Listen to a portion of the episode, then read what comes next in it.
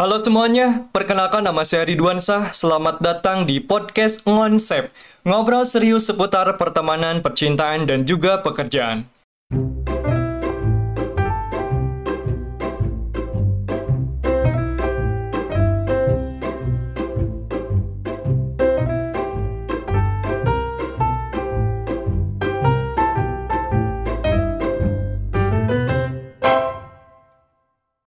Masih di podcast konsep, hari ini gua ngobrol dengan calon Bupati Blitar, namanya Timbro. Dan dan by the way, lu tuh pas tahu gue orang Garut, lu tahu gak sih ciri khas dari Garut apa gitu atau cuman apa sih Garut sih nggak terlalu terkenal gitu. Di mata lu gimana tuh? Setauku, Garut itu Jawa Barat, Hmm. identik dengan domba. Oh, berarti lu tahu ya? Ya, dikit-dikit tahu ya di Sipulang itu loh. Ya.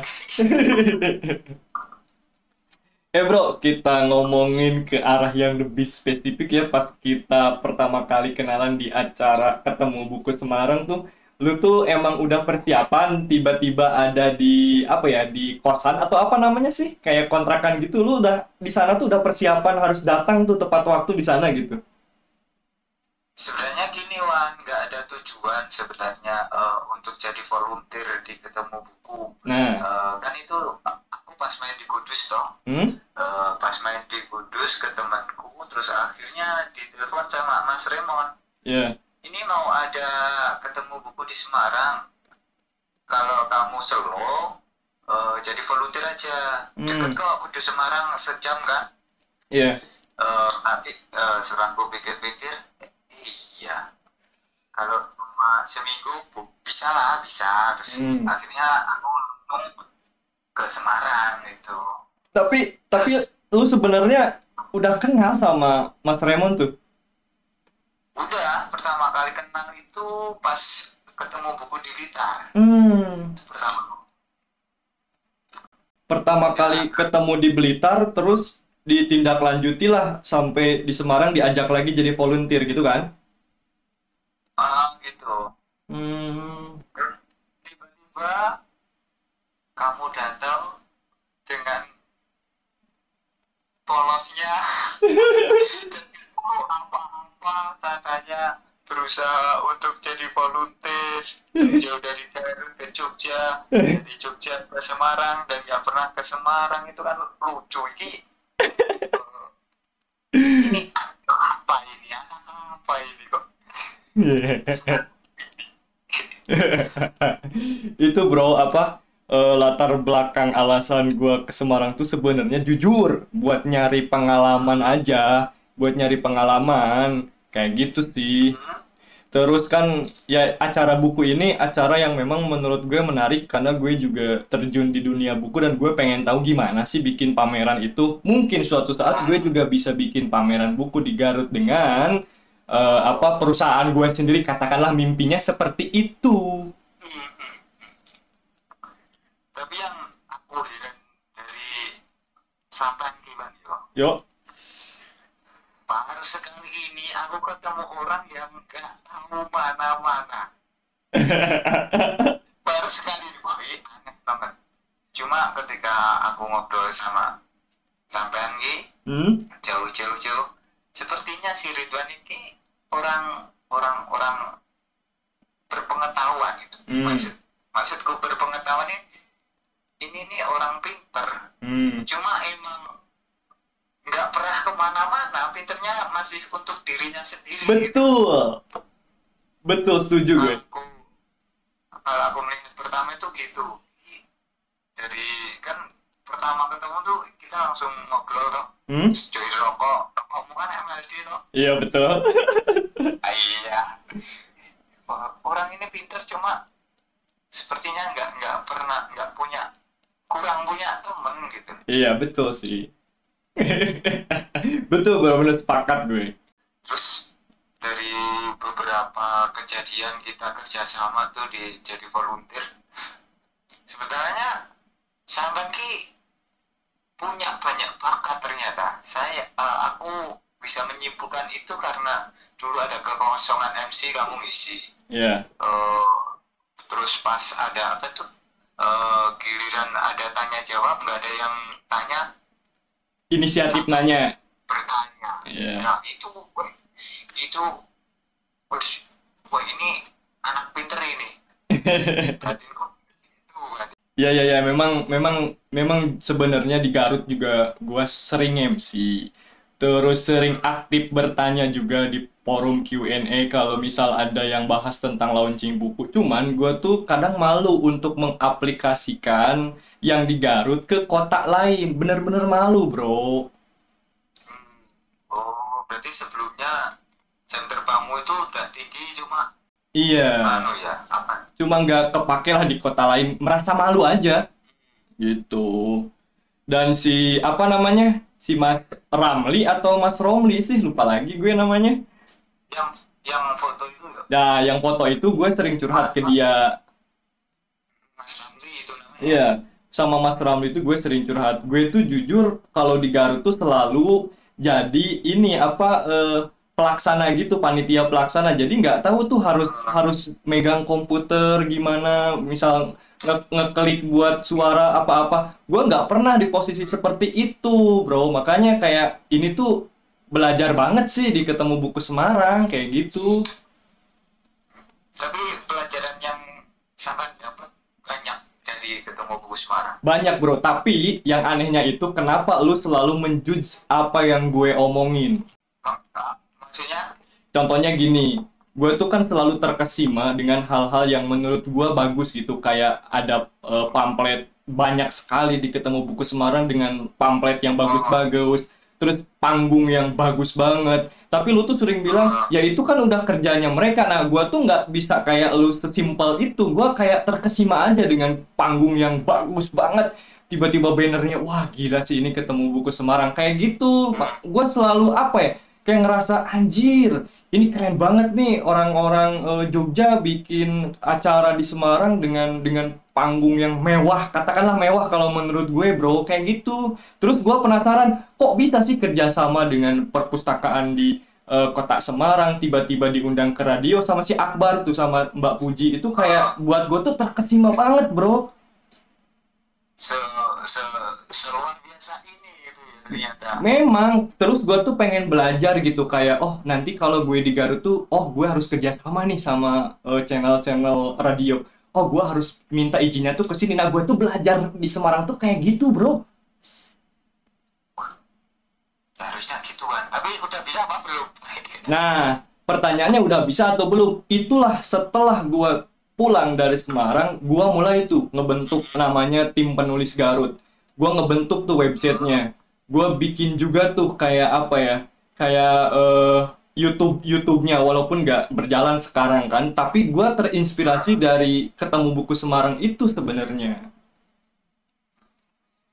ya gimana mas yo oh, mungkin mungkin yo kalau dari sudut pandangku kan setiap orang punya pribadi masing-masing Iya. Terus, emang emang karakterku tuh nggak bisaan orangnya Hmm, nggak perfeksionis lah hmm, hmm, hmm. jadi semua muanya boleh semua muanya monggo selama nggak ada yang dirugikan kenapa atau gitu loh Iya iya iya iya iya. Soalnya gua kalau ngelihat lu kayak apa ya? Lu tuh memang apa adanya, humble dan bisa kayak menghargai orang lain gitulah diajak gini, ayo diajak gini ayo. Dan itu buat gue seneng karena gue kan orangnya tuh kayak dominan banget gitu. Pengen ngajak ke sini lo tuh ayo eh ngerokok di sana yuk ayo. Eh kita berhenti dulu ya jangan dulu kerja kerja ngangkat ngangkat kursi capek ayo. Nah itu yang gue suka bro. Sebenarnya aku yang malas aja Wan. Oh. Tunggu perintah sini baru Nah. ayo ke sana ayo. Nah, nah perbedaannya lu sama gue tuh, misal lu tuh kan nunggu perintah, sedangkan gue tuh kalau nggak ada perintah kayak gitu suka pusing sendiri ngerjain apa lagi ya, gitu bro. oh iya iya iya Makanya gue kan sering nggak enakan gitu kan kayak anjir gue lagi nyantai-nyantai orang-orang lagi pada iya. Oh, kehidupan Wan Iya. Sebutkan teman-teman kita yang jadi volunteer yang khusus yang inti lah. Siapa saja lu masih inget gak? Kalau gue ada si Akbar, Mas Ramli, Mbak Puji emang sering koordinasi. Lu ada lagi gak? Lu masih inget gak? itu si Jenny Iya, terus? terus Dinar Dinar Ah, si Dinar. Ya. terus Mas Amri Oh iya, betul, betul, betul, betul. Gue lupa lagi, bro. terus siapa lagi tuh yang tua tuh Dan yang pengen gue tanyakan ke lu tuh kayak, oke lah, kalau di acara ketemu buku Semarang, kayaknya tuh kita susah untuk mendeskripsikan susah senangnya gitu, karena memang banyak susahnya ada, senangnya ada gitu, capeknya ada, serunya ada. Ap- apalagi pas tahun 2020, eh tahun 2019 bulan Desember sebelum corona yuk sebelum corona. Nah, yang pengen gue tanyakan ke lu itu adalah gini, Bro. Lu masih inget gak pas ada anak-anak yang apa yang ke acara gitu sampai harus melindungi tas-tasnya gitu loh. oh ya itu itu Betul. Anak Iya.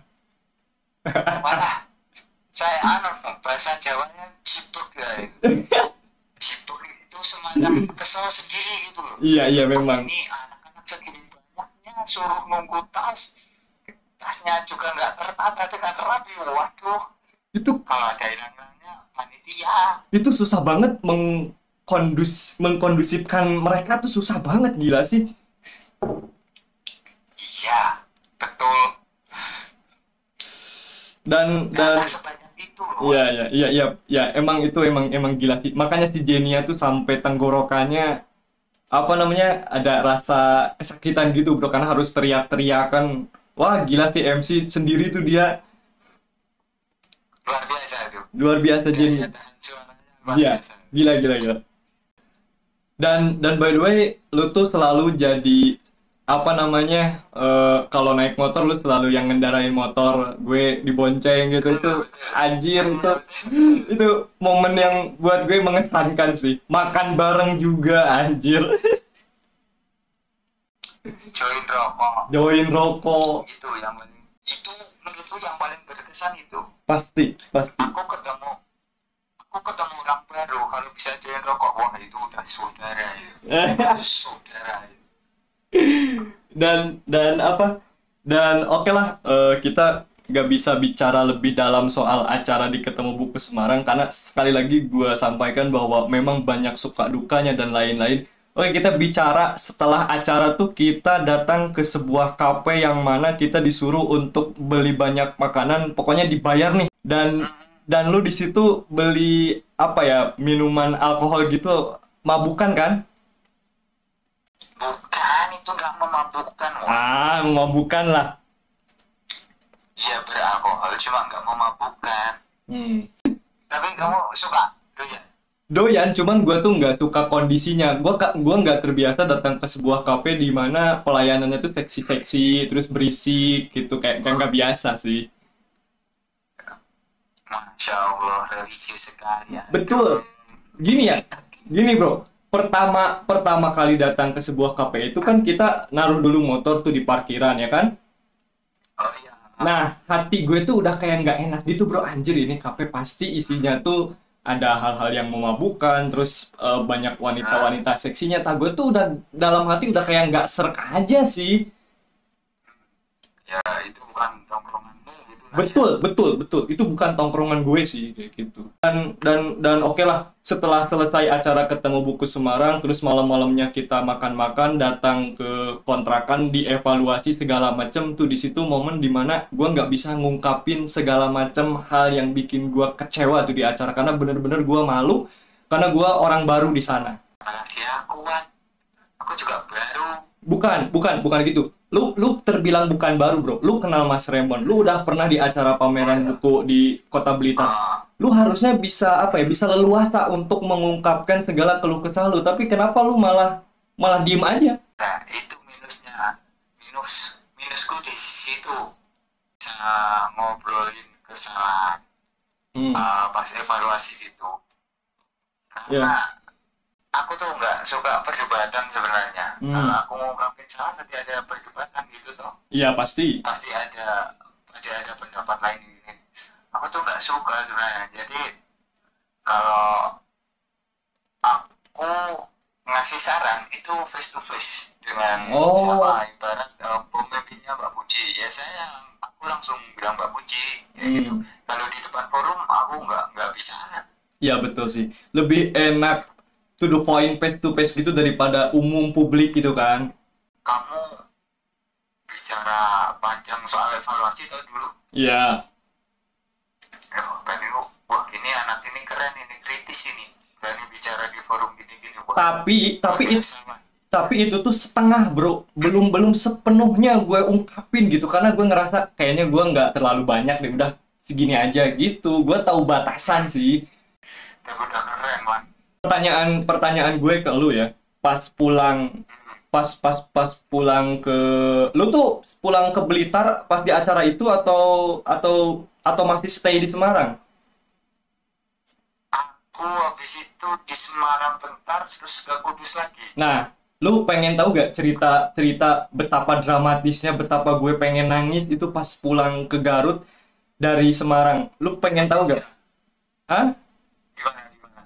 Kan kan gue tuh kan gue tuh nggak nggak pulang ke Garut langsung kan ke Jogja dulu kan? kamu kan ke Jogja dulu toh Iya, gini ceritanya bro.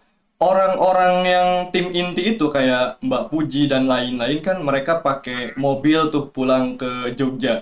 Dan lu tahu apa yang dan lu tahu apa yang gua alami setelah eh, pulang dari kontrakan itu ngapain aja? Lu kan nggak tahu kan? Nah itu tuh gua tuh sampai sampai naik kereta di daerah eh, Semarang ke Solo kalau nggak salah. Pokoknya gua tuh harus ke satu stasiun di mana stasiun itu tuh menuju ke Jogja kan. Dan gua tuh sampai bermalam bro di di stasiun nggak ada temen sama sekali karena gua telat beli ini apa beli tiket tuh kehabisan bro. Sampai-sampai gue menghubungi semua volunteer yang ikut di acara ketemu buku Semarang nggak ada satupun yang yang apa ya yang mau nyuruh gue buat tinggal di sana.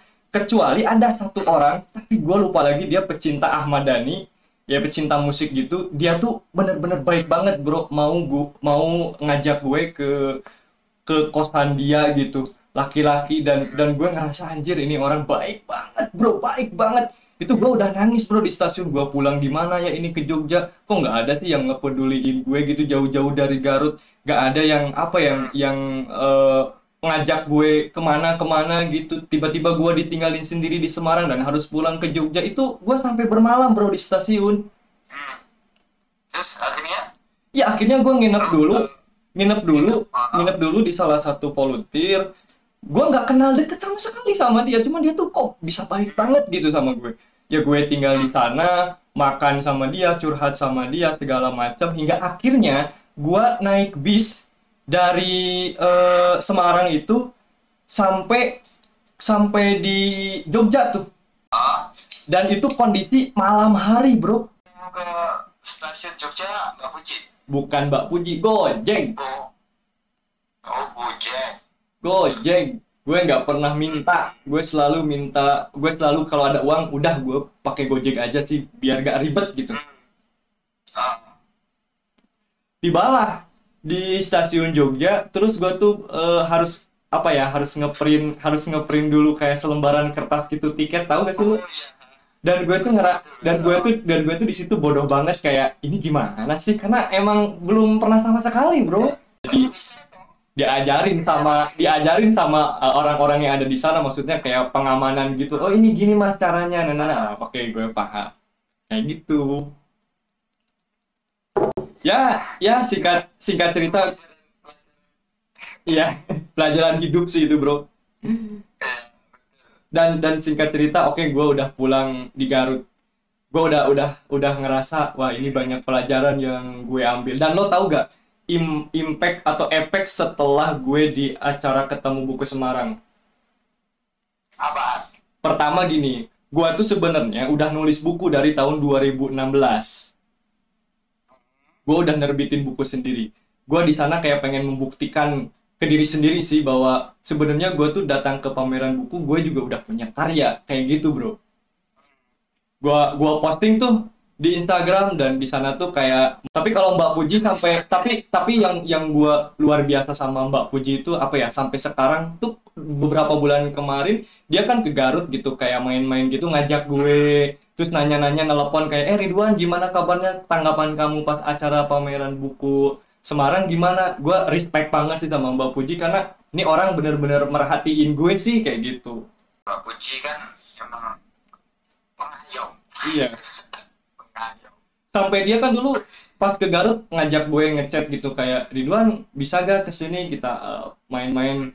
Kalau memang ada kaitannya dengan acara buku sih saya mau tapi kalau di luar itu kayaknya saya uh, uh, nggak mau sama sekali sih. Karena ya gue suka buku dan gue kalau ada acara buku gue pasti fix ikut. Tapi kalau di luar itu gue nggak mau gitu Ya, nggak nggak ketemu karena ya gue nggak nggak mau sih kalau main-main gitu kecuali kalau ada hal yang diobrolin seputar buku terus tiba-tiba pameran buku ada di Garut gue pasti excited banget bro.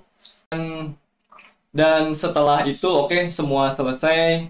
Dan gue kan masih satu ini kan apa masih saling follow tuh dengan orang-orang Semarang dengan semua volunteernya. Nah masih sering masih sering DM-an dengan orang-orang eh, Semarang.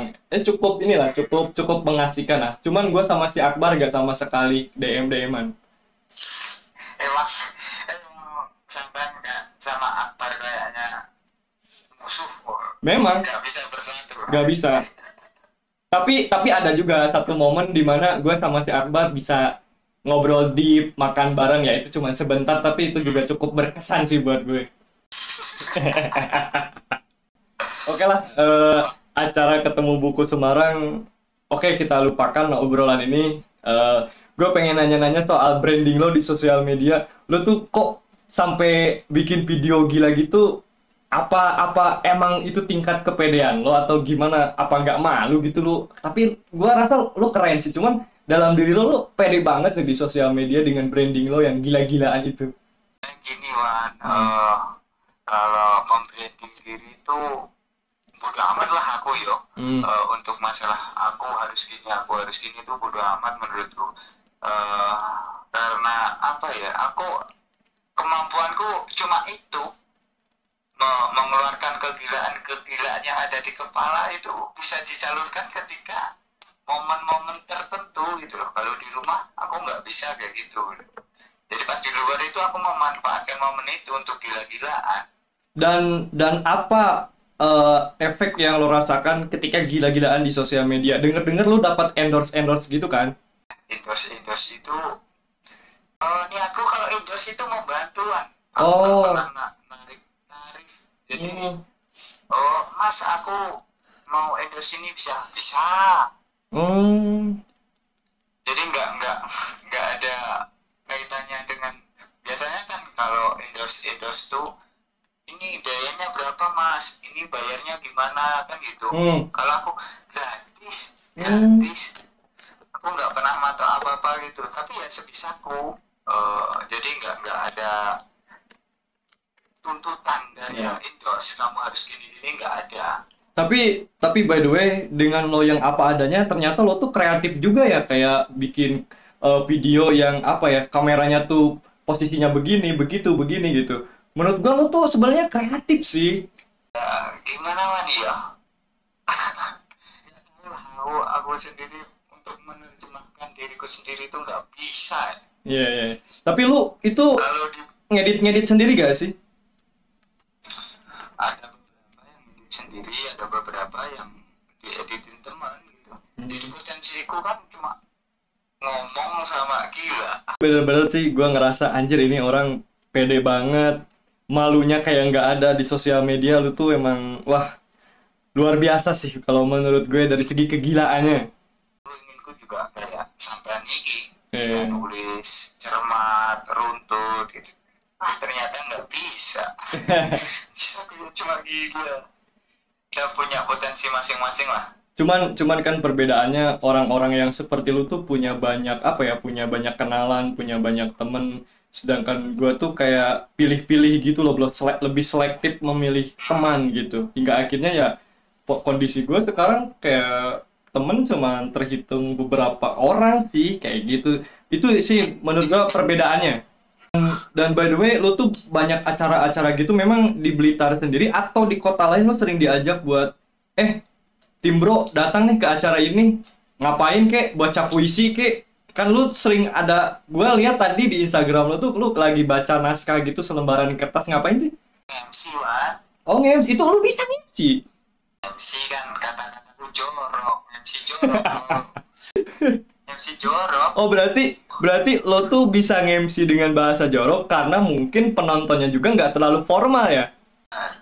aku bisa MC kalau acaranya nggak formal kalau acara formal wah nggak bisa Wan Iya iya iya iya. kata, kata bahasanya terlalu hancur Lo tuh salah satu temen yang ketika di acara tuh harus pakai batik, lo gak bawa batik ya? bukan aku banget gitu loh Wan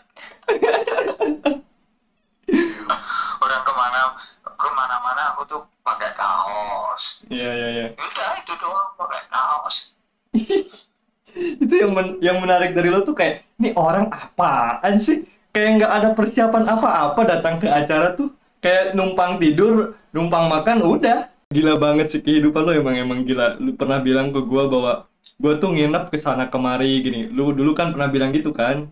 Nginep ke temen ini, nginep ke temen itu. Itu emang kehidupan lu kayak gitu, Bro. gitu sekarang udah berubah Wan sekarang di rumah kalau dulu ya di rumah cuma numpang tidur besoknya ke sana lagi ke sana lagi Kalau sekarang? Sekarang udah ada fokus di rumah pengen bangun apa ya eh, iklim di rumah memperbaiki iklim lah di rumah itu. Hmm, karena aku karena aku berpikir udah banyak yang aku berikan di daerah-daerah luar gitu loh. Saatnya Iya. aku berikan yang di rumah sendiri. Betul betul betul. Betul betul betul. Gua juga ngelihat lu kayak gitu kayak eh, ke ke kota lain kota lain. Tapi di kota sendiri mungkin lu ada niat buat pengen berkarya juga sih di daerah Blitar lu kan? Benar benar. Semakin ke sini semakin aduh apa yang aku banggain ketika aku bisa membesarkan kota lain? Kalau Iya. kotaku sendiri nggak nggak nggak nggak bisa diperhitungkan gitu. Iya. Blit jadi iya iya iya iya iya. Blitar Pride lah. Betul betul. Yuk, thank you bro. Ini bertepatan dengan hari bertepatan dengan hari ulang tahun gue. Lu orang pertama yang yang gue ajak curhat nih di podcast konsep ini. Jadi konsep ini podcast konsep ini artinya konsep ngobrol serius seputar pertemanan, percintaan dan juga pekerjaan dan lo termasuk ke playlist pertemanan. Wah, ngeri tepuk tangan.